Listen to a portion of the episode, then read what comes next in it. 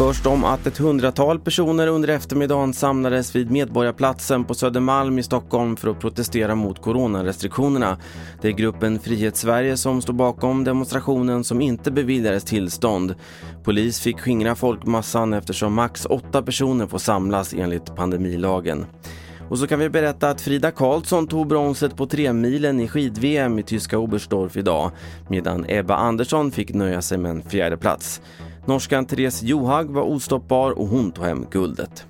Och sist om att en farmor i 60-årsåldern i torsdags dömdes till sex månaders fängelse efter att hon gömt flera hekto sprängmedel i sin bh.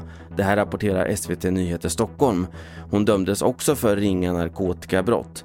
Totalt hittades runt ett kilo sprängmedel i lägenheten samt även vapen och droger. En rad andra personer i familjen har också dömts eller står åtalade för härvan som kopplas till Vårbynätverket. Det var senaste uppdateringen från TV4 Nyheterna. Jag heter Carl-Oskar Alsen.